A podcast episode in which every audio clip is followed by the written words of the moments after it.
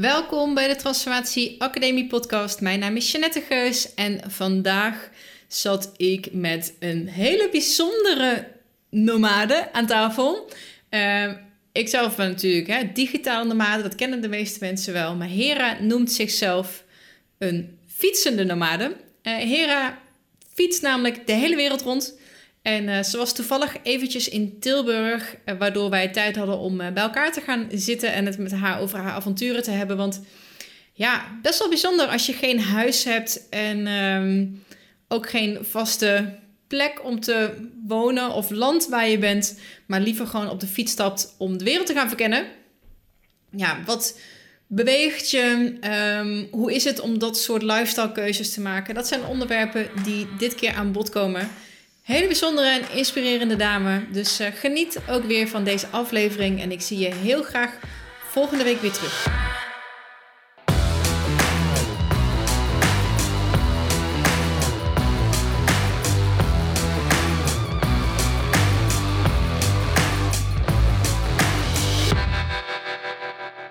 Voordat we naar de gast van deze week gaan, wil ik graag nog even onze sponsoren in het zonnetje zetten, want dat verdienen ze. En de eerste was Love Fit Food. En ben je nou op zoek naar een manier om ja, wat lekkerder in je vel te komen zitten, meer energie te hebben? Zijn er misschien ongemerkt wat kilootjes bijgeslopen die er weer af wil halen? Of heb je wat lichamelijke ongemakken, zoals een opgeblazen buik bijvoorbeeld, uh, waar je graag van af wil? Dan kan het heel erg zinvol zijn om eens een, een 30 dagen reboot te doen. En um, dat is wat de Fit Food 30 biedt. Dat is 30 dagen volgens de uh, Fit Food richtlijnen eten. En dat is 30 dagen vooral geen honger lijden. Uh, maar wel leren hoe je volwaardige maaltijden vast kan stellen. Waar alle voedingsstoffen in zitten die je nodig hebt. Waardoor je dus ook geen last meer hebt van uh, trek tussendoor of suikercravings. En ik weet echt dat er heel veel goeroes en programma's zijn. En dat iedereen zegt: uh, doe wat wij zeggen. En je zult het lichaam krijgen waar je van droomt. Weet je, ik geloof daar niet in. Waar ik in geloof is dat uh, ieder lijf is uniek. En iedere behoefte is uniek. En iedere doelstelling is uniek. En jij moet erachter zien te komen wat voor jou werkt. Um, en wat voor jou werkt, kijk, er zijn een aantal soort van basisrichtlijnen die, uh, die ik jou kan geven waarmee je kan starten. En waarmee je zelf kan gaan experimenteren. Wat werkt goed voor mijn lijf en wat niet. In de 30 dagen van de Fit Food 30 ga je bijvoorbeeld 30 dagen uh, geen suiker, geen lactose, geen zuivel uh, eten. En dat is niet omdat je nooit meer uh, kwark zou mogen eten of dat brood des duivels is. Maar zie het als een periode om erachter te komen wat voor jouw lijf werkt en wat voor jouw lijf niet werkt. Zoals een van onze deelnemers zei, hij zei: Ik verbaasde me echt over het effect wat dit op mijn lichaam had. En ik voel me zoveel beter. Mensen krijgen meer energie, zoals gezegd. Uh, komen lekkerder in hun vel te zitten. En het is dus niet iets wat je je hele leven strikt hoeft blijven doen, maar wel waar je je hele leven profijt van hebt. Nou, die Vet voor 30 is dus 30 dagen. De totale begeleiding is 40 dagen. En als je voor de optie inclusief e-mailbegeleiding uh, gaat, krijg je niet alleen het e-book met daarin alle uh, stappen die je moet volgen, maar ook dagmenu's, recepten, uh, extra video's, uh, opdrachten. Um, je mag sowieso in de in besloten Facebookgroep, uh, waar mensen ook hun recepten en hun, hun vragen delen. En waar we een fulltime diëtiste hebben die jou ja, te woord staat met waar je dan ook maar op dat moment tegenaan loopt. Um, als luisteraar van de Transformatie Academie podcast krijg jij 10% korting op de toch al niet zo hele dure prijs. Want de uh, Fit for 30 inclusief die e-mailbegeleiding, die kost 47 euro. En als je gebruik maakt van de kortingscode transformatie bij het afrekenen, krijg jij 10% korting. Uh, we starten elke eerste maandag van de maand. En je kan je tot elke eerste, laatste donderdag van de maand kan je je daar dus voor aanmelden. Uh, we starten altijd op een maandag, maar de vrijdag, zaterdag, zondag daar voorafgaand krijg je extra tips en handvaten om je voor te bereiden. Want je gaat uiteraard niet zomaar in het diepe daarmee. Dus dat is de Fit voor 30. En meer informatie vind je op www.fitfood30.nl. Het is absoluut de moeite waard, dus uh, neem zeker een kijkje.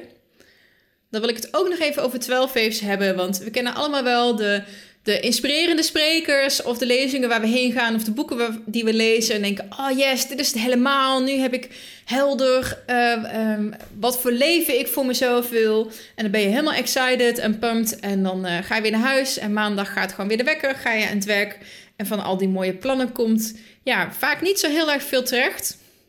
Nou, dat is ook de reden geweest uh, voor Michel Vos om 12 Waves te gaan maken. En wat het is, het is een, een training, een programma wat verschillende aspecten combineert. Er zit een stukje uh, goal setting in, workflow, uh, time management, leadership, mindset, intervisie, allerlei componenten samengevoegd in één traject met als doel om niet alleen maar te dromen over wat voor leven je wil, maar het ook daadwerkelijk te manifesteren in de praktijk. Kijk, en dat bereik je niet door nog een keer naar een spreker te gaan en helemaal uh, excited te zijn. Ja, dat is leuk en het is ook belangrijk.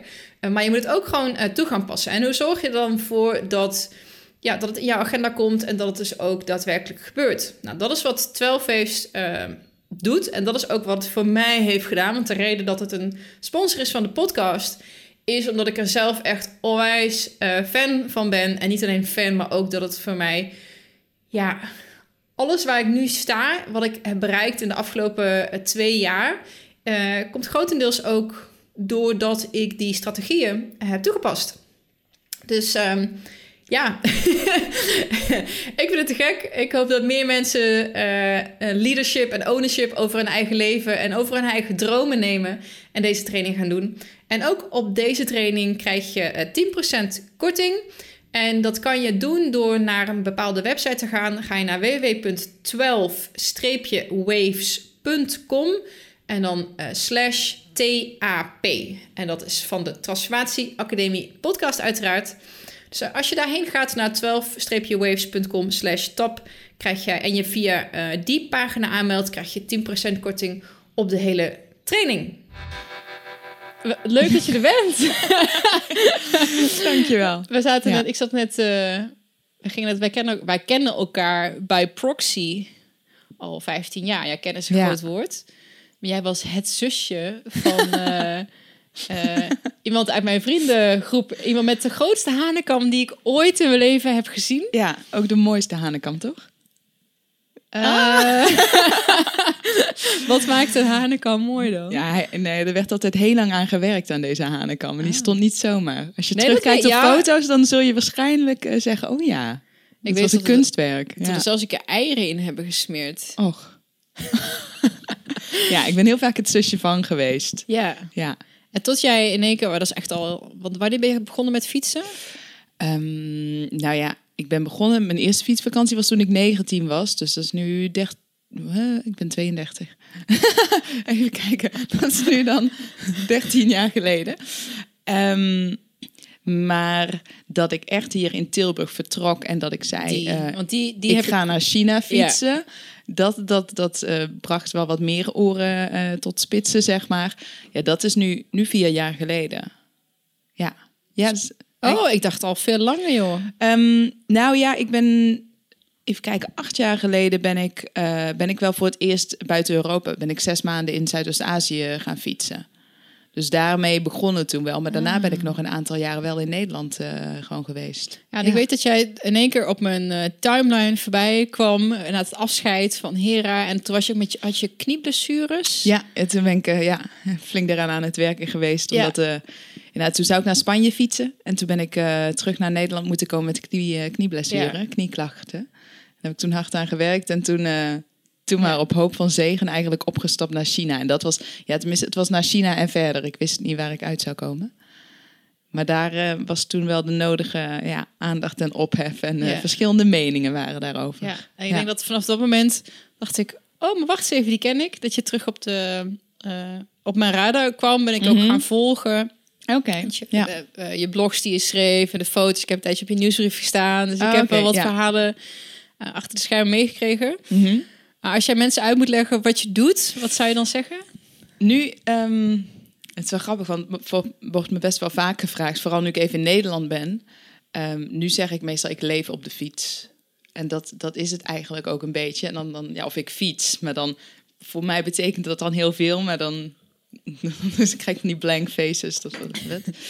Ehm, in principe heb ik mijn leven in Nederland opgegeven en leef ik nu al fietsende rond de wereld. Dat, dat is het. Dat is een heel kort inderdaad. Zo, zo zou ik het uitleggen. Ja. Ja, wauw. Ja, fietsnomade. Als iemand het een titel wil geven, ooit voor weet je, een interview of wat dan ook, dan, dan zeg ik fietsnomade. Want zo voelt het voor mij. Ja. En hoe is die... Ja, dat is niet een stap. Dat is natuurlijk een enorm proces. Van je Mhm. eerste fietsvakantie op je negentiende. Ja, Eh, waarschijnlijk een zaadje geplant van... Oh, dit is avontuurlijk, dit is leuk. ja. Naar fietsnomade. Ja. ik vind het een mooi woord. Ja, eh, ja het, is ook, het klopt ook beter dan reiziger of zo. Omdat voor mijn gevoel woon ik ook gewoon waar ik ben. En soms is dat eh, een dag en soms is dat gewoon constant verplaatsen. Maar het is wel gewoon... Ik woon, ik woon waar ik fiets, zeg maar. Want ik doe ook met de bevolking mee. Dus ik ben niet alleen maar aan het kijken of zo. Ja. Dan krijg je toch het fietsreizigen. Kan ook. Maar ehm, dat, dat zaadje, ja. Ja, toen ik 19 was, stapte ik voor het eerst op... ehm, en ook gewoon in mijn eentje. Ik heb eigenlijk nooit gedacht of ik mensen mee wilde nemen. Het was gewoon, ik wil dit gaan doen. En dat was echt met mijn moeders oude trekkingfiets, alle oude spullen van zolder. Ook grappig genoeg, ook een oude kaart. Ik had ook gewoon een nieuwe kaart kunnen kopen, maar dat kwam allemaal niet in me op toen. Die spullen allemaal mee. En toen ben ik tien dagen, geloof ik, door, eh, door Duitsland gaan fietsen. En, eh, maar het zaadje is al eerder geplant hoor. Ik zou zeggen, het, eh, mijn, mijn ouders hebben een paar fietsvakanties gedaan in Europa voordat ik geboren was. En die foto's heb ik al jong gezien. En ik weet dat ik op de basisschool was waar ik dan groot op ging. Mijn, mijn ouders hadden geen bijzondere banen en zo, of veel geld of wat dan ook. Er was, maar hetgeen waar ik eh, zeg maar eh groot eh, over sprak, was dat zij naar Italië waren gefietst. Dat was mijn trots over mijn ouders. Dus dat sprak wel tot mijn verbeelding op de een of andere manier. Ja, en dat is pas veel later toen ik iets zelfstandig wilde, toen ik alleen ertussenuit wilde. Ik denk dat dat was het voornaamste. Ik wilde alleen, vrij, onafhankelijk ertussenuit. Toen heb ik, eh, op, ik weet niet, op een soort van zonder heel veel na te denken daarover, was de fiets voor mij gewoon wat het dan moest zijn. Ja. Ja, En dat, eh, ja, dat alleen reizen, ik vind alleen reizen ook fantastisch. Geweldig. Ik vind ook dat echt dat iedereen, of iemand die nog nooit in zijn eentje op reis is geweest, al is het maar een weekend, dat het bijna een soort van, je zou bijna moeten verplichten, want je, je leert zoveel over jezelf. Het is onvoorstelbaar. Maar om dat op je negentiende dan ook dan te gaan doen. En hoe lang was die eerste? dat was maar tien dagen. Nou, maar. Ja. Ja, wat ik me herinner is tien dagen, ja. Ja. Ja, en dat was van camping naar camping. En ik weet niet eens, volgens mij ging ik toen nog een beetje uit van de campings die dan nog op een, op een landkaart staan, weet je wel. Ja. Zo'n klein eh, rood eh, tentje wat er... eh, ik weet het, er zijn er vast veel meer, maar toen ging dat heel improvisorisch. ja. Ja. En hoe doe je dat, hoe doe je dat nu? Nu, ehm, in de afgelopen jaren is het zo gegroeid, waar ik ook hoopte dat het heen groeide, dat ik gewoon iedere dag op kan stappen en de meeste dagen niet precies weet waar ik uitkom. En dat is, dat, dat is niet van de een op de andere dag dat je dat, tenminste voor mij, dat ik dat aandurfde. Ik begon inderdaad met campings in Europa. En toen ik mijn eerste keer in Azië fietste, Zuidoost-Azië heb je natuurlijk volop hostels. Dat is echt die backpackcultuur. Dus toen had ik geen tent bij me. Toen kon ik van hostel naar hostel, maar zat ik gelukkig ook veel in ni- niet-toeristische hostels en hotels. En eh, daarna ben ik met de tent gaan reizen. Eh, toen ik naar China en verder fietste, zeg maar. En toen heb ik heel veel bij mensen thuis gekampeerd. Ja, dat weet ik nog. Ja, dat, dat zag ik was- in je blog of Ja. in je, je nieuwsbrief en je blog voorbij Ja. komen. Ja. Het is wel grappig, want ik vind dat zelf nu... ben ik zo blij dat ik dat toen gedaan heb. Want ik snap niet waar ik... ik ja, ik, ik weet niet waar ik toen in het begin het lef vandaan haalde, zeg maar. Het was echt... De campings waren nog niet open. Als je verder naar het oosten gaat, want ik reed richting Oost-Europa, richting Oekraïne... dan heb je ook geen campings. En wild kamperen vond ik nog te eng. Eh, en ik wilde ook heel graag de mensen van dichtbij leren kennen. En ik, ik vond sociale, ehm, hoe moet je dat zeggen, bijeenkomsten, sociale dingen altijd best wel spannend. Eh, vooral met meerdere mensen. Dus ik wilde ook mezelf een beetje trainen. Dus het was Ah. echt één grote uitdaging. en eh, dus ik had besloten, ik ga bij mensen aankloppen om te vragen of ik op hun terrein, in hun tuin, dan wel op hun weiland mag kamperen. Eh, in hun taal dat ook vragen. En, en soms had ik een briefje met eh, bijvoorbeeld in het eh Tsjechisch of in het Pools dat erop. En ik weet nog de eerste keer dat ik in Duitsland fietste. En ik had toen twee keer toch op een camping gestaan. of één keer bij familie.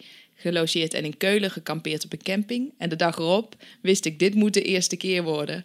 Nou, ik had echt de zenuwen. En steeds verder doorgefietst. Hele lange fietsdag gemaakt om het maar uit te stellen. Tot er een dorpje was en ik zeg, ja, bij iemand ga ik in dit dorp in de, in de tuin kamperen. Wauw. En dat was echt, ja, waanzinnig.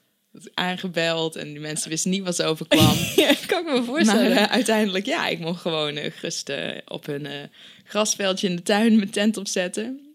En ja, dat was duidelijk voor hun net zo ongemakkelijk als voor mij. Maar even later werd ik binnengehaald en we beginnen met een kopje thee. En even later zei ze, wil je toch misschien ook douchen? En even later kwam ik terug uit de douche en toen stond een warme maaltijd er. Nou, En, eh. Dus dat, eh, ja, dat is fantastisch. En zo is dat toen maanden doorgegaan. Ja. Hoe, hoe lang ben je, was je eerste trip?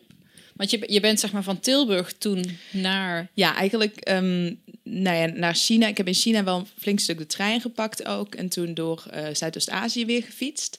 Dat was ook heel bijzonder, want dat was ook het idee. Ik, wil, ik had toen in Zuidoost-Azië gefietst toen ik 24 was. En toen dacht ik, nu wil ik zien wat er allemaal tussen ligt. En wil ik zien Mm. hoe Nederland langzaamaan, zeg maar, Zuidoost-Azië Ja. wordt. Dus toen ehm, ben ik uiteindelijk eigenlijk in, in Indonesië geëindigd. En toen ben ik terug naar Istanbul gevlogen. En eh, toen ben ik vanaf Istanbul helemaal door de Balkan en daarna over de Alpen terug naar Nederland gefietst. Ja. Hoe lang was je toen onderweg? Ehm 14 maanden, geloof ik. Ja. ja. Maar als je het nu inderdaad nog om het af te maken, ehm, hoe, hoe ik dan nu, zeg maar, wat, waar het toe voor woorden is, de nacht doorbrengen. Of mijn fietsdag. Eh, nu is het veel wild kamperen. Daar ben ik inmiddels eh, gewend aan geraakt en Ja. gaan durven. En dat vind ik echt heerlijk. Hm. Ja. Dus als het even kan, dan kampeer ik het liefst wild.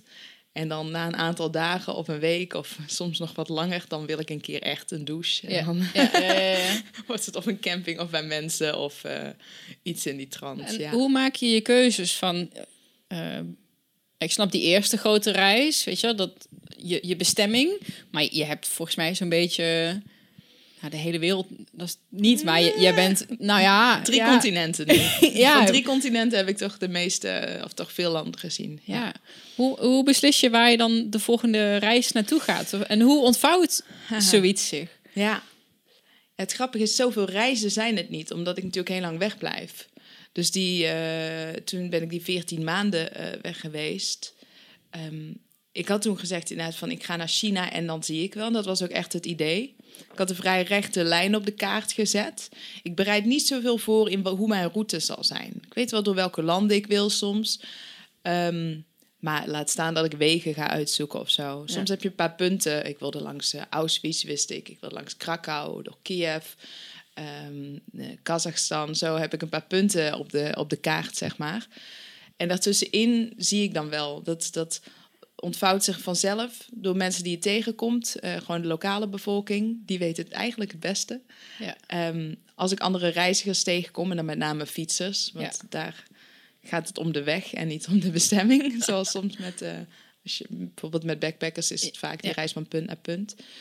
Ehm, eh, ja, dus, dus op die manier ontvouwt zich dat eigenlijk vanzelf. Ik zit even te denken dat toen vanaf China, ja, toen had ik al in Centraal-Azië had ik zoiets van, oh ja, ik rij wel door naar, naar eh, Zuidoost-Azië. Vind ik leuk, kom ik daar weer terug. En ik keek uit naar alle fruit shakes en dergelijke daar. Naar de ontberingen van Centraal-Azië, waar eh, heel weinig eh, variatie in voedsel en zo is. En bijna overal zit gefermenteerde paardenmelk in, waar je niet blij van wordt.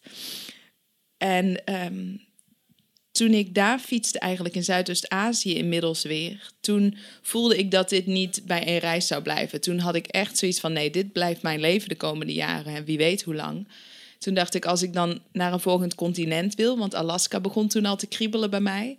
Toen dacht ik, dan wil ik eerst nog mijn eigen continent, Europa, zeg maar, grotendeels gezien hebben. Dus daar kwam toen de beweegreden vandaan om van eh, Indonesië weer naar Istanbul te vliegen. En dan helemaal door eh, Oost- en, en Zuid-Europa terug te Ja. fietsen. Dus zo groeit dat vanzelf eigenlijk. En dat gevoel wat je zei van ik wist dat dit mijn leven zou gaan worden, of in ieder geval de, de komende tijd. Ja. Kan je, kan je daar wat meer over vertellen? Ja, ja dat is. ehm, eigenlijk, eigenlijk verschilt dat gevoel helemaal niet zoveel van die eerste keer toen ik 19 was, toen ik op de fiets zat. Alleen ik moest. eh, het moest de juiste tijd worden, denk ik, in mijn leven. Ehm, als ik het heel simpel gezegd, even heel simplistisch, is het gewoon: ik word het allergelukkigste van rond de wereld fietsen. En mijn motivatie, zeg maar, om het te doen, is dat. Ja. En dat lijkt me de enige, voor mijn gevoel, de enige juiste motivatie om iets te doen. Als ik ergens anders gelukkiger van word, dan ga ik dat doen. Ehm, als dat morgen is, is morgen. En als het over zes jaar is, is het dan. Ehm, maar als ik er dieper eh, naar kijk, dan die ehm, enorme vrijheid die het, die het me geeft, zeg maar, om te fietsen. Ook dat ik, ik ben op mezelf aangewezen. Ehm, hoewel er heel veel hulp lokaal van mensen vaak komt. Maar je kunt daar niet zwart-wit op rekenen natuurlijk. Uh, maar ik hou heel erg van, uh, van dingen oplossen, van inventief zijn. Uh, van ook voelen dat ik op mezelf kan bouwen, zeg maar. En ik vind het ook heel leuk om, om dingen uit te vogelen. En dat is eigenlijk wat, wat fietsreizen aan één stuk is, ja. zeg maar. Ja. Um, de, de, iedere dag moet je uitvogelen waar je je water haalt, waar je je eten haalt. Uh, hoe je je eigen veiligheid vooral ook waarborgt. Waar je zult kunnen slapen, zeg maar. Welke wegen je moet nemen, hoe je überhaupt ergens komt. Uh, als er iets met je fiets uh, misgaat of met je bagage, zeg maar, iets gefixt moet worden. Het is allemaal, alles komt neer op, op dat je het zelf moet fixen. En ik haal daar heel veel voldoening uit. Hmm.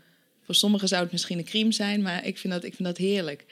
En die, die enorme vrijheid en het, het, um, het weg zijn van, van wat ik enorm overbodig vind. Alle overbodigheid van, van spullen, van regels, van moeten, van aannames, van verwachtingen, van, uh, nou ja, van druk, zeg maar. Al die dingen die wij hier in, in Nederland en sowieso in het Westen kennen. Dus voor mijn gevoel is dat allemaal een soort ruis of zo. En allerlei dingen die, die geven voor mij ruis in waar het leven eigenlijk om gaat. Ja. En waar gaat het dan uh, om? Ja, gewoon zijn. gewoon zijn. Um, ik, voor mij, zeg maar, ik leef het liefst zo dicht mogelijk bij de natuur. Bij mijn eigen natuur en, en bij de natuur om me heen en bij mensen, andere mensen, zeg maar. Um, die, die ook op diezelfde manier, zeg maar, dicht bij zichzelf staan. Die niet uh, allerlei regels stellen van hoe dingen zouden moeten zijn, zeg maar. Um, voor mijn gevoel, ik weet niet, nou ja, weet je, dan kom je bij een beetje die vraag of, of, of er überhaupt een, een doel is zeg, in leven, of dat het zin heeft, dat, dat weet ik niet. Daar heb ik niet genoeg voor, voor voorbereid ja. vandaag. nee. maar, maar voor mij komt het neer op gewoon, gewoon zijn. En dan komt de rest vanzelf. Dan kom je mensen tegen. En dan sta je gewoon echt in contact. Omdat je niet uh, van tevoren je hebt uh, bedacht, zeg maar, wat de regels zijn tussen jullie culturen. Ja. Of, of wat de regels zijn tussen jullie leeftijden. Of al dat soort dingen. Ja. Ja. ik vind het wel heel mooi wat je zegt. Want een van de dingen die ik me afvroeg van... Goh, is dat... Uh, los van het feit dat ik alleen reizen fantastisch vind... Zo van, het, het kan ook eenzaam zijn of confronterend mm -hmm. zijn. En dan jou, jou juist te horen zeggen... terwijl iemand die al zo lang dan ook alleen onderweg is... Zo van het in contact zijn met mensen. Mm -hmm. Dat lijkt een hele erg tegenstelling. Zo van, ja, maar je zit in je eentje op de fiets... en je vindt het leuk omdat je dus... Maar is het omdat je die mensen dan meer onbevangen tegemoet treedt of zo? Um... Ja, um, ik zit in mijn eentje op de fiets omdat dat voor mij altijd de eerste natuur is geweest hierin, in, in het fietsen. En sowieso ben ik altijd nog al mijn eigen weg gegaan, zeg maar. En heb ik nooit uh, erg veel, zeg maar, compromis of zo, gevoel, behoefte gehad om dat mm. te maken. Of, of, of iemand te hebben die dan met mij iets doet, zodat ik het zal doen. Nee, dat, dus dat... Um, en ik, ik, ik reis wel alleen, ik fiets wel alleen en ik ik vind het heerlijk om alleen aan mijn kampvuurtje te zitten bij mijn tent en te weten dat er niemand uh, aan mijn tent zal komen uh, uh, leuren, zeg maar. Maar natuurlijk, het contact. Um, ik ben geen. Ik, ja, misschien ben ik wel een Einzelganger, weet ik niet. Maar ik ben. Ik, ik, uiteindelijk, zeg maar, zit volgens mij geluk ook in contact tussen, tussen mensen. Ja. En ik geloof zeker dat. Ik heb de laatste na het pas kwam ik daar een beetje op uit. Om zo te reizen zoals ik doe en zoals fietsreizigers doen. En, en vast meer, maar ik spreek even voor fietsreizigers. Omdat ik de rest niet, uh, andere vormen niet heb geprobeerd, zeg maar. Ik weet om dat te kunnen doen, moet je volledig openstaan. Want je zet jezelf zo kwetsbaar neer. Ja. Je bent volledig kwetsbaar in het verkeer. Eh, je kunt er niet, je hebt geen, geen eh vehicle, zeg maar, geen, geen ijzer om je heen waarin je kunt terugtrekken om beschermd te zijn.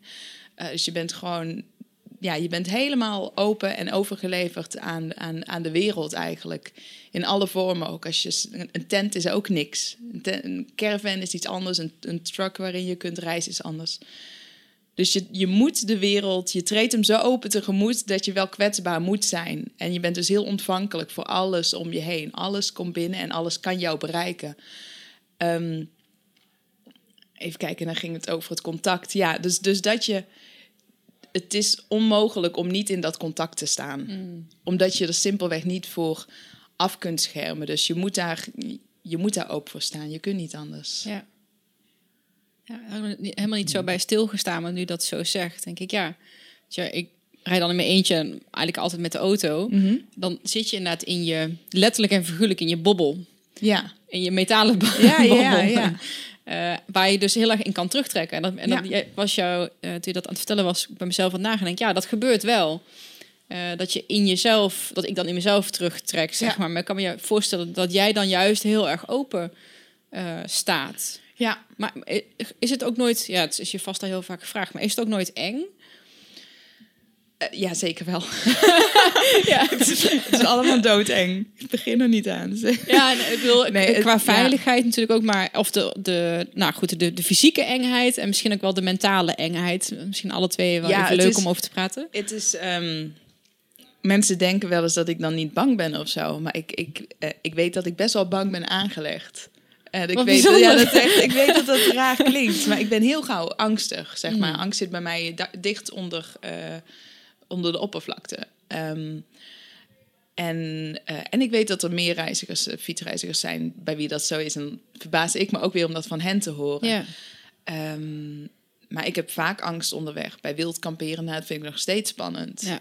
Ehm, het is niet dat ik dan niet bang ben, zoals mensen denken: oh, je durft het allemaal maar. Ja, ik durf het. Nee, het- ik doe het. Mm. Dat is misschien iets anders dan, eh, dan Ja, ja, ja. durven. Dus eh, je verlegt wel je, je grenzen. Je zit ook wel vaak, zit ik denk ik, op de rand van iets wat ik wel of niet eh, durf of trek of zo. Ehm, dus bijvoorbeeld bij wild kamperen, als er dan ineens halverwege de nacht twee voorlampen zeg maar, van een auto op mijn tent schijnen, dan gaan we maar alle stresssystemen aan, zeg maar. Dan schiet alles echt op rood. ja. Ehm, het ding is alleen dat ik het vertik om, om die angsten te laten bepalen, zeg maar. Omdat ik weet dat die dicht aan de oppervlakte ligt bij mij. Dus ik weet ook dat die alarmbellen afgaan bij het minste of geringste. Ehm, terwijl de daadwerkelijke risico's die ik neem helemaal niet zo heel groot zijn. Want ik ben geen naïeve reiziger. Ik ben ook niet iemand die heel graag op het randje leeft, zeg maar, qua risico's nemen. Dus ik weet dat de alarmbellen, zeg maar, wat 90% van de tijd afgaan om niks of nog meer dan dat. Mm. Ehm, en dat is gewoon niet de moeite waard om iets voor te laten. En die 10% van de tijd, dan is het fijn ook dat ze afgaan.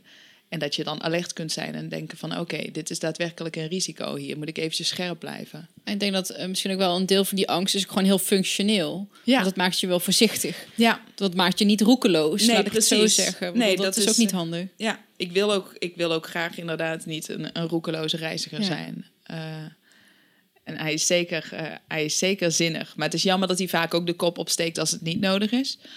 Ehm, maar dat wordt wel steeds minder. Naarmate je lange reis, zeg maar. En naarmate ik meer situaties steeds weer doorkom en merkte dat die angst onnodig was, Ja. merk ik echt dat ik groei in wat ik, in wat ik durf, zeg maar. Wat ook daadwerkelijk niet zo risicovol is. Ja. Ja, ik vind het heel. ehm, dat is best een hoge mate van zelfbewustzijn, denk ik, voor nodig om. Want wat je doet feitelijk is observeren dat er angst is. En dan dat soort van overrulen. Zo van ja, maar ik weet dat ik daar eh, gevoelig voor ben, zeg maar. Dat dat bij Mhm. mij er snel is. Ja, Dat is een bepaalde manier van naar je gedachten kijken en met jezelf bezig zijn. Is dat iets wat je altijd al had? Of heb je dat ergens geleerd? Of, of ben je dat tegengekomen? ik denk dat dat wel een beetje in mij zit. Eh, nu heb ik al van vrij jongs af aan interesse gehad in psychologie. en ook wel het nodige eh, over gelezen en me in verdiept. En, eh, En ook wel de nodige uren slash jaren bij een, een therapeut in de stoel doorgebracht, zeg maar. Dus daar word je ook wel wijzer van over hoe je in elkaar steekt. Maar het, is ook, het zit ook in mij. Ik, ik ben gek op zelfreflectie, zeg maar. Ah, of ja, sowieso kijk. reflectie. Ja, ja. En dat is ook een van de dingen die mij, ehm, die mij zeg maar, hoe moet ik dat zeggen, op saaie dagen eh, de dag door helpt op de fiets, zeg maar. Ja, want dat is een van de vragen die ik had. Zo. Ja, daar vermaak ik mijzelf wel mee. Ja, luister je muziek of, of podcast? Of ben je gewoon met de omgeving bezig of met jezelf? Dat, dat komt allemaal voorbij. Oké. Ja, Ja. dat, er zijn momenten. Ik heb de muziek, zeg maar, eh, moet ik sowieso mee voorzichtig zijn als ik in verkeer zit. Nou zit ik gelukkig eh, ook heel veel van de tijd niet echt in verkeer, maar gewoon op stille wegen. Eh, maar de muziek is voor mij een soort last resort als, als ik bijna niet meer kan, zeg maar. Ah, ja. Als het heel zwaar wordt, dan heb ik voor mezelf, zeg maar, mijn secret ingredient. mijn, dus mijn pepmiddeltje. Dat is dan dat ik muziek mag Hera's luisteren. climbing pl- playlist. Ja, precies. ja. ja, dan kan ik mezelf, als ik dan weet, ik moet nog 40 kilometer. Bijvoorbeeld als ik echt wel ergens heen wil, of, of weet dat ik daar pas fatsoenlijk kan kamperen, want het kan ook niet overal. Eh, dan kan ik echt zeggen, oké, die eerste 20 rij je nog op karakter. En dan mag je die laatste 20 met muziek rijden. Ja, dat is zo. ehm, dat doe ik wel eens, maar, maar dat is maar af en toe. Podcast op diezelfde manier wel eens. Hm. Ehm, en verder, het is wel leuk. Soms dan merk ik dat ik zo in mijn hoofd zit. Dan ben ik helemaal in mijn hoofd aan het reflecteren. Ik hou ook heel veel gesprekken in mijn hoofd. Met mijn vader of mijn moeder veel. Dus dan valt veel te bepraten natuurlijk. Dan gaan er allerlei oude systemen en eh, oude vragen komen erop. En dat eh, wordt allemaal besproken. Maar ook wel eens met vrienden. Ehm, soms zijn dat oude gesprekken en soms gewoon totaal eh, die, die ik zou willen voeren. Of die ik op die manier gewoon voer. En dat gaat vanzelf natuurlijk. Dat kies ik niet uit. En dan zit ik helemaal in mijn hoofd en dan kijk ik opeens op mijn teller en dan blijkt dat ik 20 kilometer verder ben. Dan heb ik dus gewoon dik een uur gefietst terwijl ik lekker in mijn hoofd bezig was.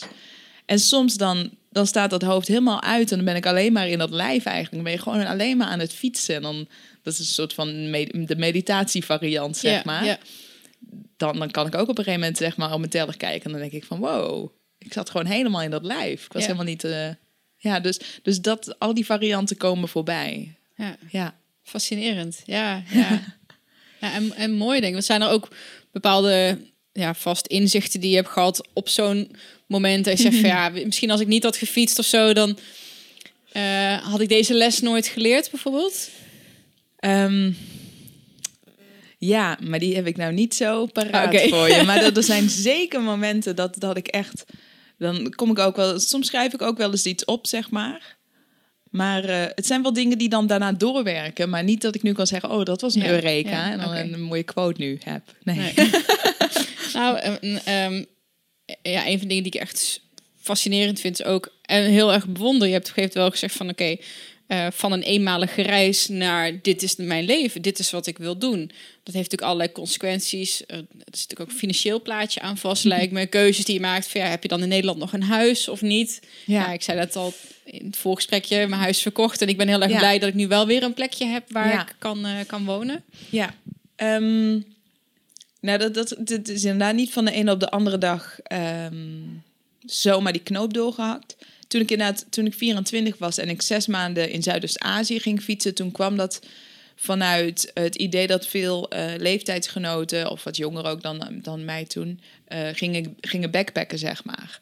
En ik kende bijna alleen maar fietsen. Ik had ook wel eens met een rugzak, zeg maar, met een vriendin een vakantietje gedaan. Maar eigenlijk was voor mij het fietsen, dat was reizen.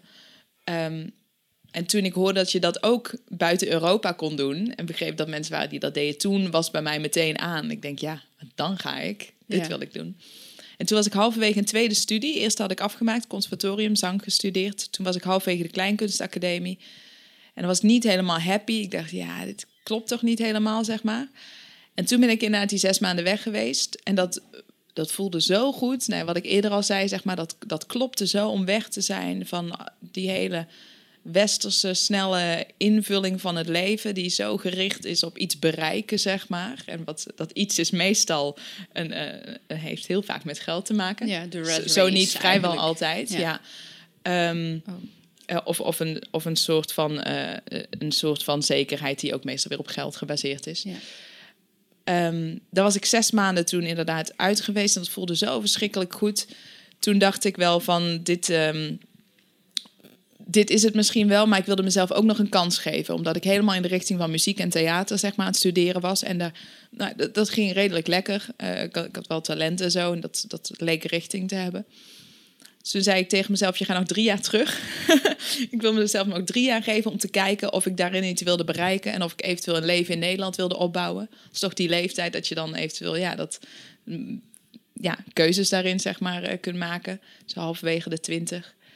En als dat niet is, dan wilde ik mezelf ook alle vrijheid geven om dat helemaal te laten voor wat het was. En uh, zeg maar zonder uh, spijt of zo gewoon Ja. van weg te kunnen gaan naar wat voor variant dan ook. Dus dat heb ik ook gewoon gedaan. Ik ben er wel trouw aan gebleven. Drie jaar in Nederland nog eh, gestudeerd. eh, muziek, theater, et cetera. En eh, toen gedacht, nee, dit, dit wordt hem niet. Ik, Dat eh, echt een het punt in de niet. agenda. Zo van, nou, tot daar ga ik het proberen. En dan eh, ga ik Ja, het opnieuw was- die keuze maken. Ja, het was goed dat ik denk ik voor mezelf een soort van tijd eh, daarvoor had gezet. Ehm, en toen was het nog wel moeilijk. Maar uiteindelijk eh, ja, voelde ik wel van nee, dit, eh, ik ga dat doen. Ik ga mijn spullen wegdoen. Ik ga mijn appartementje wat ik huurde, zeg maar, wegdoen. Wacht, dozen, zeg maar, bij mijn moeder wat op zolder opgeslagen en de rest weggedaan. Toen ben ik naar China gaan fietsen, inderdaad. Eh, en ik had gezegd, ik ga een jaar weg eh, ongeveer. Ehm, en in dat jaar voelde ik nog duidelijker, het is steeds zo gegroeid, voelde ik Ja. nog duidelijk van nee, dit is het. En toen ben ik naar Nederland gekomen, toen zei ik van oké, dan ga ik proberen ook hier dit sustainable te maken. Ja. Dus ik begon een website, ik ging wat lezingen geven, eh, een goede blog opgezet, et cetera.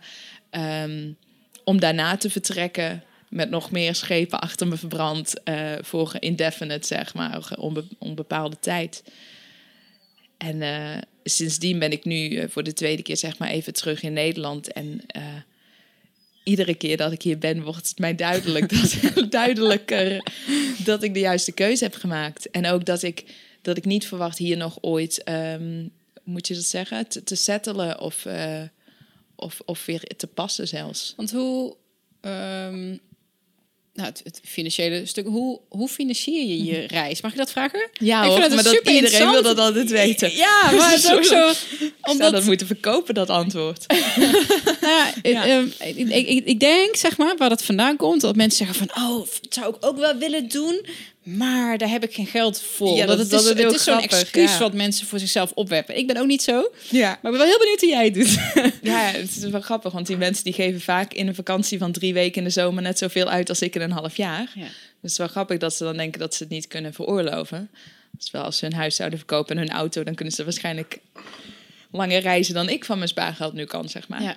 Zeker weten trouwens. Ehm, ja, dus ehm, reizen is eigenlijk op de fiets reizen is veel goedkoper dan in Nederland wonen. Dat sowieso.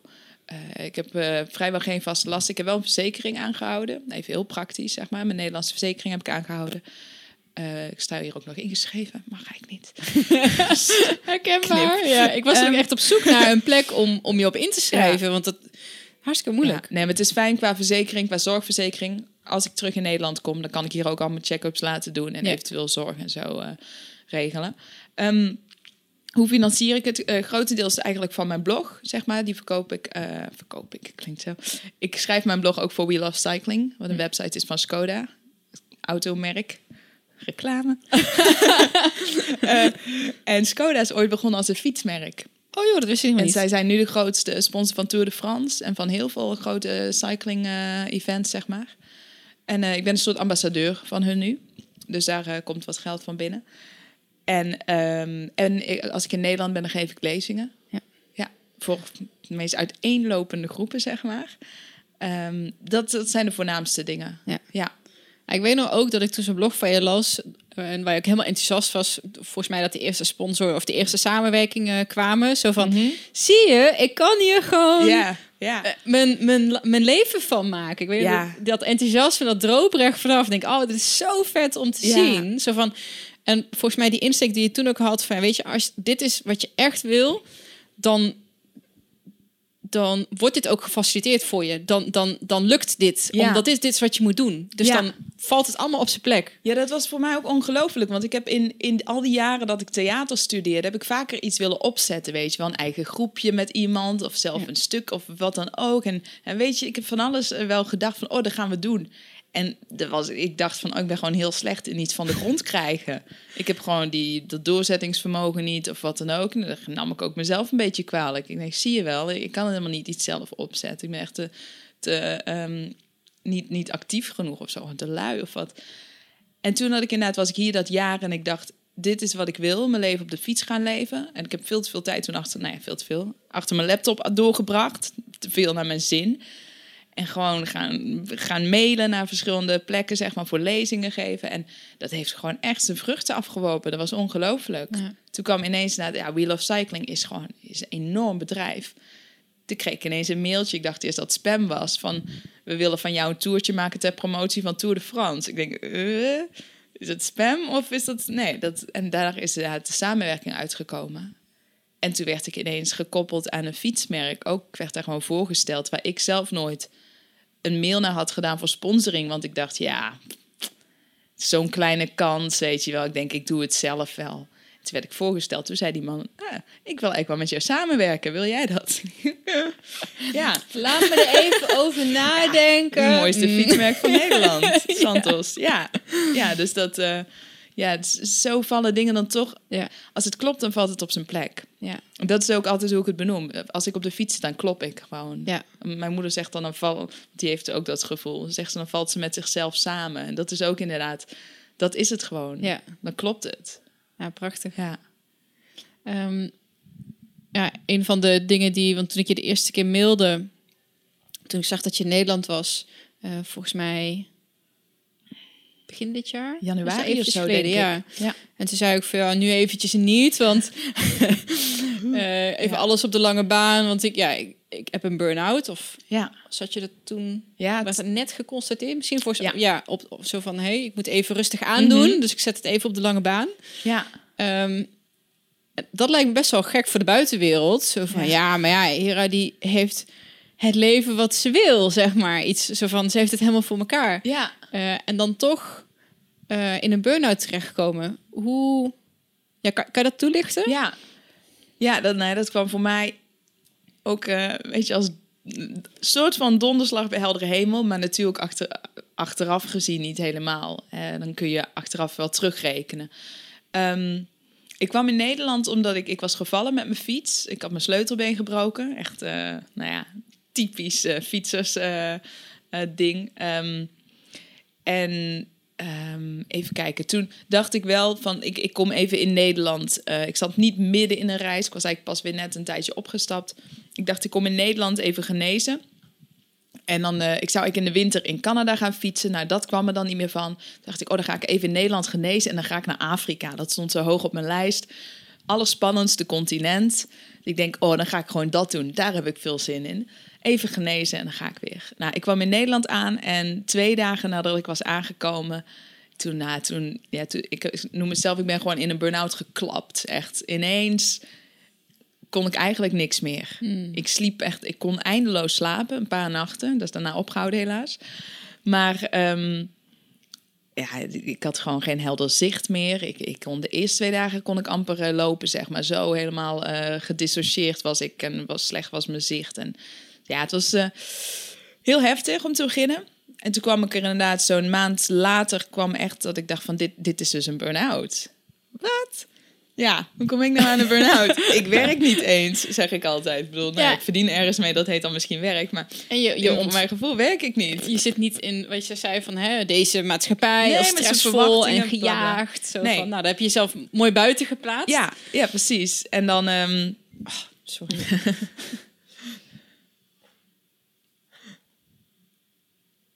elke keer, dan zet ik hem zo meteen uit. uh, zo. Ja, precies. En dan word je leuk uh, geïnterviewd, zeg maar, over hoe je je leven zo leuk voor elkaar hebt. dan, dan, schrijf je ineens, ik schrijf dan wel eerlijk in mijn blog van ik zit inderdaad uh, met een burn-out. Ja. Um, nou, ik heb Um, ik heb er veel over geleerd in het begin over hoe je nou een burn-out kunt krijgen, zeg maar. Want dat wil dus niet uh, per se zeggen dat je, dat je een heel stressvol leven leidt of zo.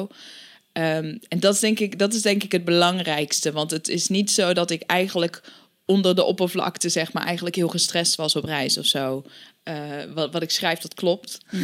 en ik schrijf over de fijne dingen en ik schrijf ook zeker over mijn dieptepunten. Ik vind dat ook heel belangrijk, dat mensen niet denken dat ik een soort van droomleven heb. Want dat, Ja. dat geloof ik helemaal niet in. Dat bestaat niet. Mijn leven heeft altijd ups en downs. Dat is Ehm, anders ook heel saai, denk ik. ja, lijkt mij ook. Ik ben ook echt voor ups en downs wel. Ja. Maar ehm, het, is, het is een opmaken van energie geweest. Mm. En ik heb gelezen inderdaad, het maakt niet uit hoe je energie opmaakt. Dat kun je ook als topsporter doen. Alleen het schijnt Ja. dat ze dat vaak dan zeggen dat iemand geblesseerd is. Overtraind. Ja, precies. En dan zit hij ook gewoon met een burn-out huilend op de bank of zo. Ehm, en ik heb ook mijn energie opgemaakt. En ehm, dat is, kan deels fysiek zijn. Eh, deels zal dat ook liggen inderdaad aan wat ik straks zei... van steeds op die grenzen zitten. Omdat ik gevoelig ben voor angst... en zo vaak zeg maar toch gewoon dat aanga... en die confrontatie heb met tel- telkens die impact op je lijf en op je hoofd... van, van, eh, van toch wel die stress bijvoorbeeld. Je eigen veiligheid waarborgen. Ehm, heel veel contact met mensen, wat ik heel intensief vind. Ben ik gewoon gevoelig voor andermans energie en voor eh, die intensiteit. Dus dat zijn wel factoren die mij hebben vermoeid. Eh, maar daarnaast kwam ook wel naar voren, en wat ik natuurlijk al wist, eh, maar dat ik, dat ik wel echt een slaapprobleem heb, zeg maar. En dat gecombineerd met zo'n intensief leven, zowel fysiek als psychisch, eh, als emotioneel, dat, dat heeft me uiteindelijk de das omgedaan, inderdaad. Ja, Want ehm, eh, in de zin van je slaapt slecht. ja. Ja, oké. Ja. Zeg maar, ik, ik had het een beetje samengevat, meest dat twee van de drie maanden slaap ik heel slecht. En dan lig ik grotendeels van de nacht wakker, zeg maar. Nou ja. En afgelopen jaar, of ja, dat is alweer even nu terug, maar dat ik van Alaska naar Costa Rica fietste. Dus, dus eh, ruim een jaar ben ik toen weg geweest. Dat was, eh, bij uitstek heb ik dat jaar echt heel slecht geslapen. En, en wat ik ook zelf verbaasd was, dat ik na een nacht waarin ik wist dat ik maar zo twee of drie uur geslapen had, dat ik weer 100 kilometer door de bergen fietste. En dan s'avonds weer bij mensen aan tafel ging, of bijvoorbeeld bij de brandweer overnachten, is ook al een ding in Centraal-Amerika. En dan heb je weer ja, vragen, een onbekende omgeving. Dus je bent de hele tijd echt ontspannen. Doe je niet. Echt thuiskomen, gewoon je, je veilig wanen, zeg Ja, maar. ja. Dat, dat doe je niet. Dus je blijft zo actief. Je bent continu op het scherpst van de Ja. snede, volgens Ja. mij. Je bent continu alert. Ja, Eh, altijd. en dat is eigenlijk gaat het dus vaak s'nachts nog door. Ja. Ja, of het moet zijn dat ik echt ergens bij mensen te gast ben, dat ik me helemaal veilig waan, inderdaad.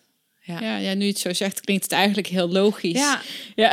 er zijn enkele die dat inzien, die dan ook burn-out hebben gehad. Of ook inderdaad dat niet hebben gekregen vanuit bepaalde werk- of familiestress.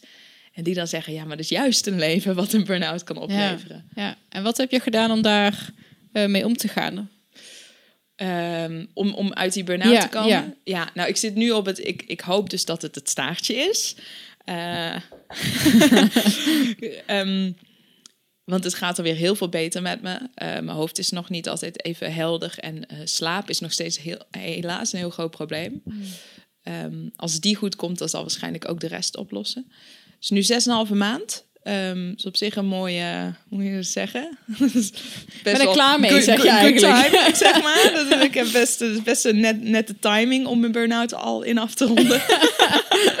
Want Ook daarin ambitieus. ja, gemiddeld, en ik denk dat ik het wat sneller kan. Ja, nee, zes tot negen maanden staat ervoor. Ehm, maar goed. Ehm, even kijken, ja. Wat ik heb gedaan, nou ja, het is...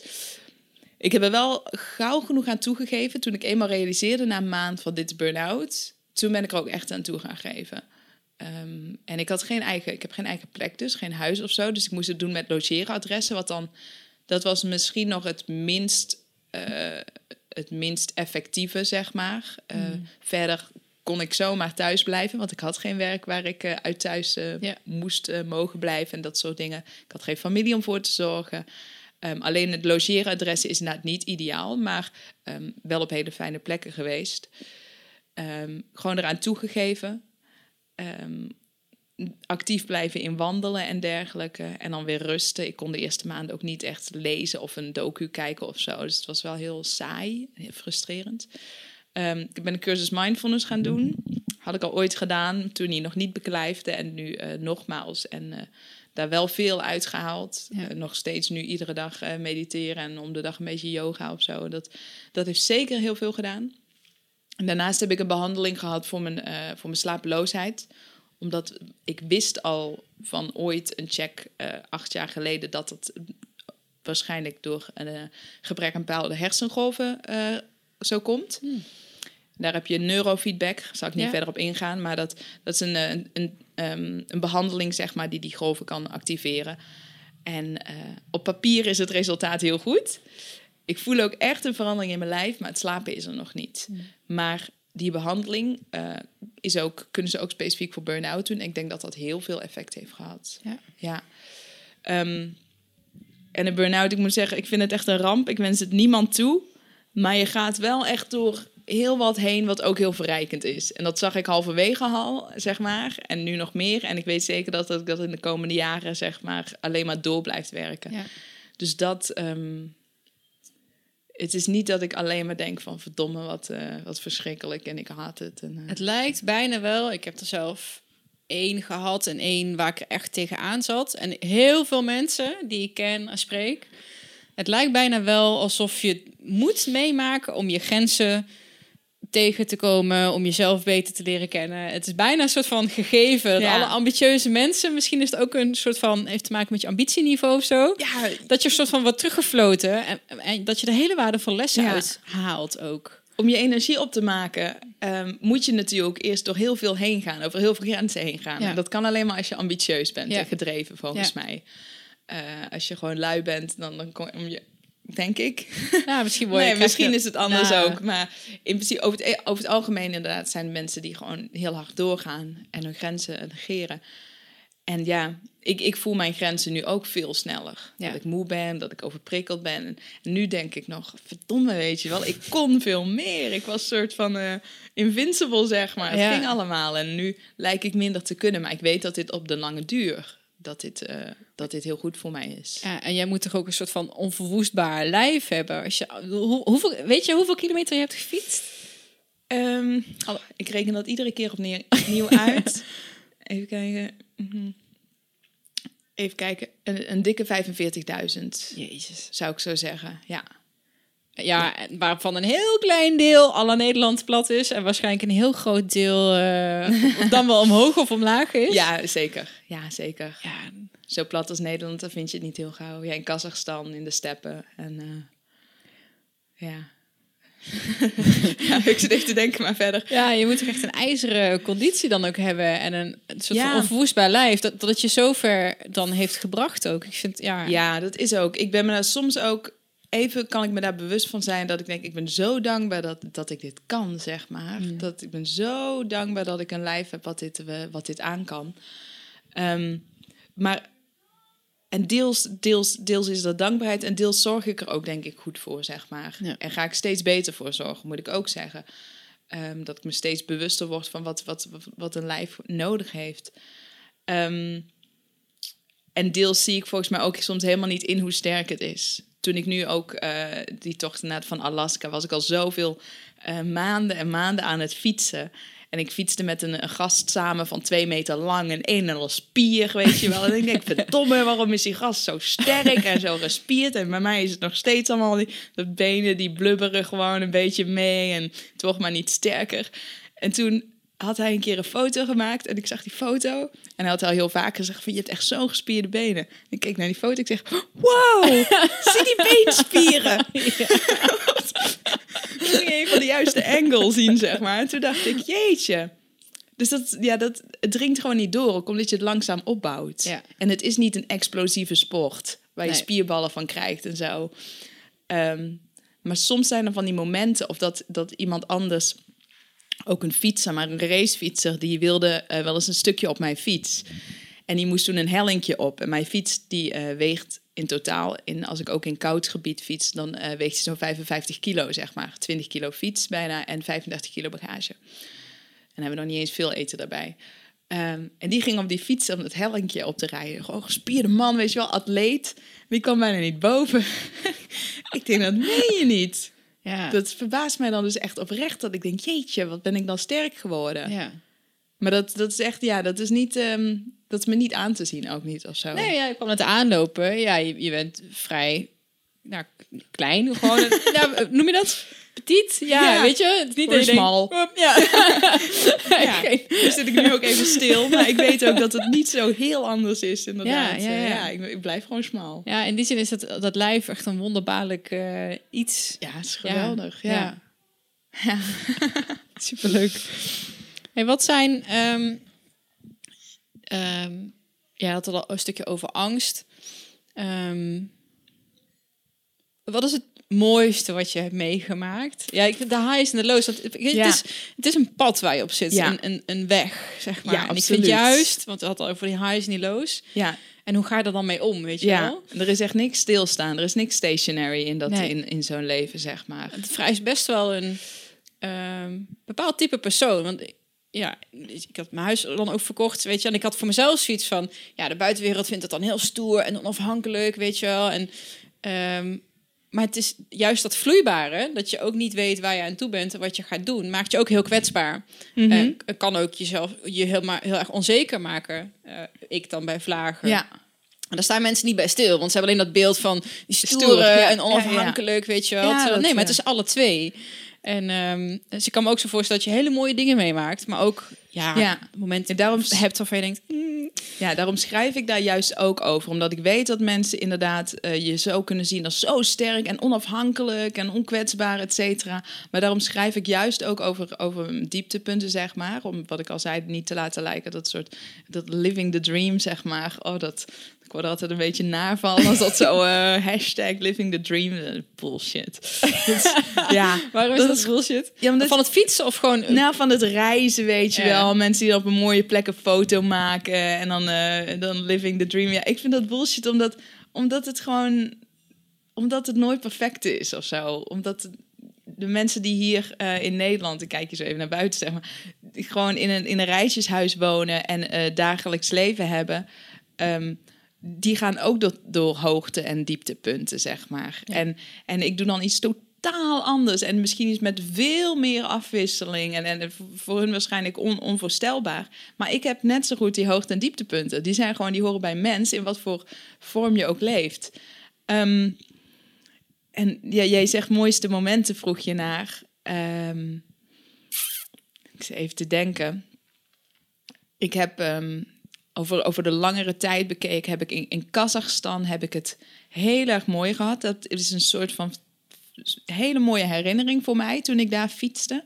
Was ook een land waar je voor gewaarschuwd bent. Ik weet nog, nou, ik ken je ook van de, van de klimhal. Daar zei iemand tegen mij: oh, Ik hoor je nog wel een keer terug als je daar door negen mannen verkracht bent. Ja, dat was ten eerste was een soort van grap. En ik vond het helemaal niet grappig. Maar dat is wel een beetje, eh, zeg maar, hoe er soms gereageerd wordt als je naar zo'n land ook gaat, zeg maar, Kazachstan. Niemand weet er iets van, want het is nooit in het nieuws. En toch hebben mensen allemaal een mening erover wat gevaarlijk land het is. Ehm, en ik ging daarheen niet met dat gevoel, ook niet met het gevoel het zal fantastisch zijn, gewoon open. Ja, dat was zo fijn. Ik ben daar zo warm onthaald door mensen. En ehm, ik weet nog dat ik daar eh, fietste. En eh, ook daar sliep ik vaak nog gewoon bij, bij onbekenden. Maar dat werd vaak een beetje van twee kanten bemiddeld, zeg maar. Ik werd ook gewoon uitgenodigd. En ik was daar een keer te gast eh, bij een gezin. En ik had toen heel erg last van mijn rug. Van mijn, eh, zeg maar, ik kon bijna gewoon niet meer zitten. En je zit er allemaal op de grond. En het was zo pijnlijk. En ik was daar te gast. Mijn vrouw kwam eigenlijk net binnen. Ik kende haar helemaal niet. En het kwam uit dat zij verpleegster was, zeg maar. We zaten achter Google Translate om elkaar een paar dingen te kunnen melden. En ik denk, ja, ik denk, dit is mijn kans om mijn rug te laten kraken. Want hoe, hoe krijg ik dat anders gedaan hier? Het is gewoon een en al steppen en af en toe een dorpje. Dus ik typte voor die vrouw van, mag ik je iets vragen? Zou je misschien mijn rug willen kraken? Nou, we kennen elkaar vijf minuten of zo. En, eh, en ze wist niet wat ik ermee bedoelde. Dus ik zeg van, mag ik het voordoen? Dus het ging allemaal over getypt Google Translate. Ik zeg, ja, dan moet je even op de grond gaan liggen. en toen heb ik voorzichtig zo, want ik ken het ook maar een beetje, maar zo voorzichtig haar onderrug gekraakt. Nou, en zij glunderde eigenlijk al. En ze dacht, oh, die, zij leerde iets op dezelfde manier als ik onderweg steeds iets leer door gewoon te zijn en open te staan, zeg maar. Maar zij in een heel gewoon dagelijks leven, wat, wat, nou ja, gewoon in een huisje in Kazachstan. En zij werd ineens meegenomen, inderdaad, in die ehm, ontvankelijke en open manier hoe ik dan het had geleerd te benaderen. Dus die vrouw inderdaad daarna ik liggen en zij mijn rug gekraakt. En dat was echt dat ik denk, nou dit, dit is fantastisch. Zie je dit in Nederland al even ergens gebeuren, zeg maar. Dat, eh, ja, ik vond het, ik vond, dat was echt een moment wat ik... Uh, dat zit nog uh, heel vers in mijn gedachten, omdat ik dat zo mooi vond. Ook zoiets fysieks, iets heel ja. kwetsbaars. Ja in een totaal andere cultuur, waar je niet weet precies hoe de regels zijn en zo. En dat dat gewoon kon, omdat je allebei gewoon alleen maar open staat. Dat, dat is voor mij, dat is de schoonheid van het contact in, in reizen, zeg maar. Dat je gewoon twee mensen bent die met elkaar in contact staan, zonder achtergrond, zonder uh, wat dan ook ertussen of zo. Ja, ja prachtig. Ja. ja. En dan aan de andere kant, dat ja, je bent jonge mooie vrouw, blond haar. Uh, ik kan me wel voorstellen dat sommige mensen zeggen, ja, doe je wel voorzichtig, weet je wel. Ik spreek je wel als je door negen mannen bent verkracht. Maar... Ja, ja, dat uh, heel motiverend. um, ik zit even te denken, um, ja, het is niet het. ik voel me ook kwetsbaar, inderdaad. Um, maar het is wel grappig dat ik me op de fiets voel ik me niet heel uitgesproken vrouw of zo. Sowieso ben ik daar nooit zo weg van geweest dat ik vrouw ben. Maar het is gewoon, ik, ik voel me gewoon heren en ik voel me niet zo ja, van, oh jeetje, hoe anderen me zouden zien. Dat zie ik dan pas weer als er iemand een foto van me maakt. Denk ik, oh, ik ben echt een klein vrouwtje op een hele grote fiets. um, maar ik krijg natuurlijk wel, want de anderen zien dat wel. Dus ik krijg wel het bijbehorende ja, commentaar. Ja. Um, ik heb me daar uh, door de tijd heen ben ik gaan realiseren en gaan leren dat. Uh, bedoel, er zijn vaker mannen die me dan een beetje lastig vallen, weet je wel. Ik ben wel eens gevraagd naar seks. Ik ben wel eens een keertje, weet je wel, naar een borst gegrepen en dat soort uh, dingen. Um, maar ik hou voor mezelf wel het vertrouwen, omdat ik weet dat mannen die iets proberen, vooral in heel andere culturen, waar inderdaad wat ik doe ontzettend ja, vooruitstrevend, uh, vrij, misschien wel provocerend is. Mm. Al probeer ik me aan te passen qua kleding of zo. Maar um, weet ik dat, dat, dat er behoorlijk wat mannen zijn die hun, uh, hoe kun je dat zeggen? Die een kansje wagen, zeg maar. Ja, ja, ja. Ook niet wetende wat er bij ons kan en, en inderdaad over grenzen gaand. Maar die toch gewoon een kansje wagen, zeg maar. Zoals hier ook in de kroeg vervelende mannen zijn die dat uh, doen. Die heb je overal. Ja. Dat zijn niet de mannen die s'nachts uh, naar jouw tent zullen komen en je verkrachten, zeg maar. Mm. Want dat is gewoon, dat, dat, is, een, dat is een ander slag. Um, en dat zijn er heel, heel, heel veel minder. Dus met die anderen heb ik uh, een beetje leren omgaan. En het is nog steeds soms kwetsend. Het is nog steeds soms beangstigend. Maar ik weet wel dat dat uh, momentopnames zijn, zeg maar. En dat, dat, dat het weer voorbij gaat. En dat kan ik wel hebben. Dat is echt voor mij... Kan je dan ook weren? Dan heb je een soort van bepaalde dingetjes die je kan ik doen? Ik heb een grotere bek gekregen, zeg maar. uh, het, vaak gewoon dan in het Engels of in het Nederlands. Dan als je gewoon een keer flink uh, donderop, zeg maar, roept. Of iets in die trant. Um, gewoon laat zien dat je, dat je weerbaar bent. Ja. Um, dat, dat doet vaak al heel wat. Um, en ik denk dat ik ook door de jaren heen dat meer ben uitgaan stralen, zeg maar. Want de meest vervelende ontmoetingen die ik heb gehad... waren allemaal op die reis toen ik 24 was. Ja, en ik weet ah. heel goed dat ik toen zoveel kwetsbaarder was ook dan, ja. dan nu, zeg maar. Ja. Uh, dat ik veel minder weerbaar was, moet ik zeggen. En dat wordt ook wel uh, opgepakt. Net zoals dat ik uh, intuïtief, zeg maar, uh, reageer op mensen. Dat ik inderdaad zelf mijn intuïtie vrij scherp is geworden van wie te vertrouwen is en wie ja. niet. voelen anderen ook bij mij aan of ze me wel of niet, zeg maar, iets kunnen maken. Ja, ja. Dus dan zoeken ze wel een andere prooi ja, uit die er makkelijker uitziet. Ja. ja. Um, en um, ik heb gelukkig nog geen hele uh, grote, heftige dingen zelf meegemaakt. Ik weet ook dat ze vrij uh, schaars zijn in de fietswereld, zeg maar. Dat het niet, uh, je begeeft je ook niet op de plekken waar bijvoorbeeld het massatoerisme is en waar we een beetje bekend staan van oh, die Westerlingen, weet je wel. ja. Kunnen we eens even proberen. Dus vaak het leuke is van als je zo uh, afgelegen fietst, dus ik fiets het liefste gewoon op gebied wat niet op toerisme is, uh, is afgestemd dan fiets je dus ook gewoon tussen mensen die mij dus ook gewoon als mens zien. En niet als een, een, een, een, een zak met geld, uh, niet als een prooi of zo. Die, ja. Je bent on, onbekend, zeg maar, en daardoor gewoon kijken ze wat, naar wat ze zien, ja. zonder daar al een invulling voor te hebben. Ja.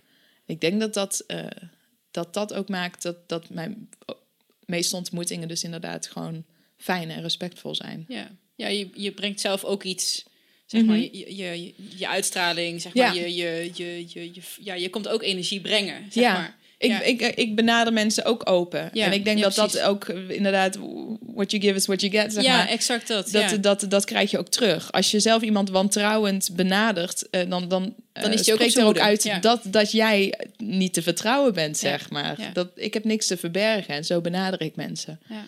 Ja. Ah, super mooi. Ja. Ja, ja. ik vind het echt eh, prachtig. Ik kijk even snel naar de. We zitten al op een uur, joh. Jeetje. ja. Gaat snel. Ja, ik vind het echt. ehm, ehm, volgens mij ook alle. Ah, eh, wat betekent transformatie? De, de vraag. En ik dat vergeet de vraag? Nee, nou, ik, Ja. ik vergeet het heel vaak. Maar ik vind het. Er komen altijd hele mooie. Wat eh, betekent verschillende transformatie visies op. voor mij? Het is wel leuk. Dat is iets wat ik zelf ehm, nooit... eh, ik, ik geef natuurlijk lezingen. Het is niet iets specifiek wat ik aanhaal. Het zijn bepaalde echte van die punten, zeg maar, waar je, waar je op ingaat. Zoals angst, inderdaad. eh, eh, je hart volgen. Maar daar komt het wel bij in de buurt, denk ik. Ehm, ik, denk, ik denk dat transformatie is, is, is een constante. Maar ja, dat is trouwens is helemaal niet van mij, die uitspraak. dat is toch eigenlijk nothing is a constant except change, of zoiets. Oh, zo. Ja, Ja. ja, ja. ja, Die heb ik helemaal ja. niet bedacht. Ik bedenk hem weer ter, ter plekke gewoon, gewoon vind het wiel opnieuw uit. Eh, ja, er is niks. Het enige wat constant is, is verandering. En ik Ja. vind verandering is voor mij transformatie. Dus dat is constant. En ehm, hoe ik het zie en hoe ik het probeer eh, te laten gebeuren, want ik geloof eigenlijk in het laten gebeuren, zeg maar. Ehm, eh, dat, dat, dat gaat eigenlijk samen. Ja. Ehm, is dat ik steeds meer. ehm,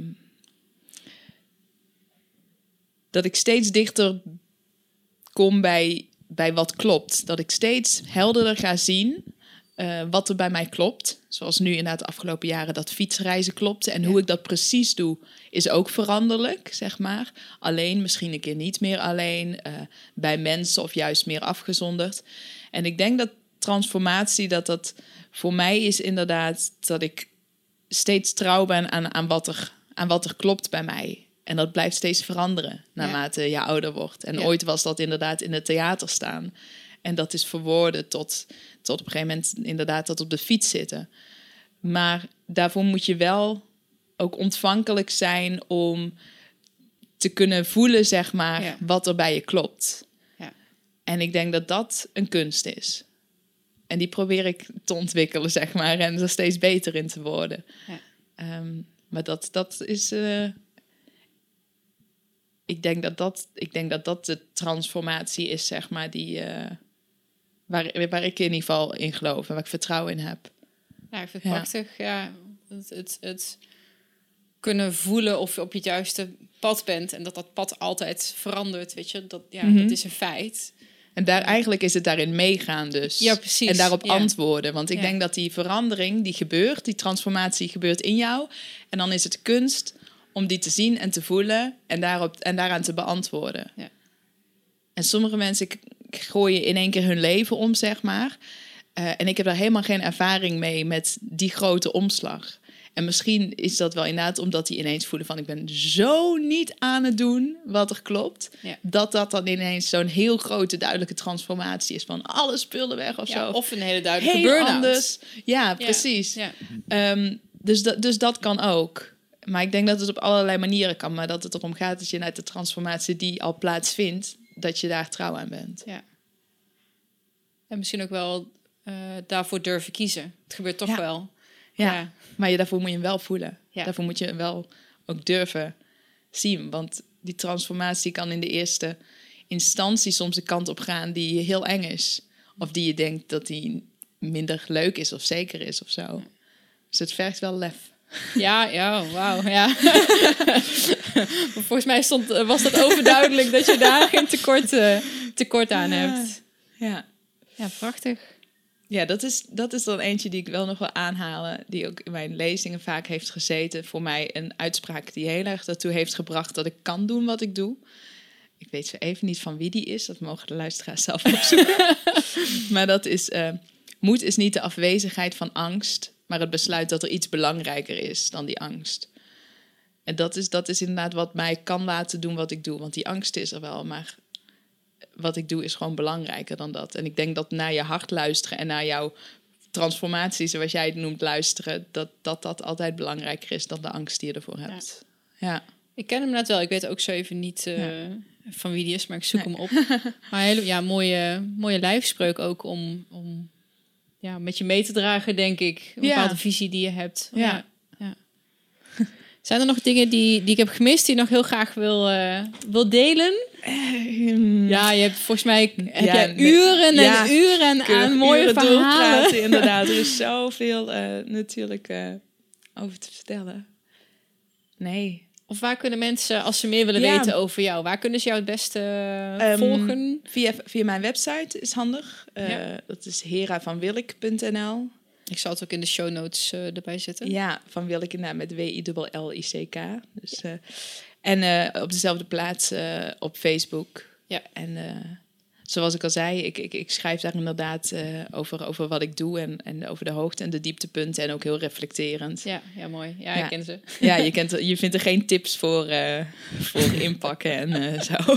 Nou, je hebt wel een paklijst Ja, ik heb een paklijst, maar daar, daar is het ook mee gezegd. Verder is het een reflecterende blog en niet een... Ja.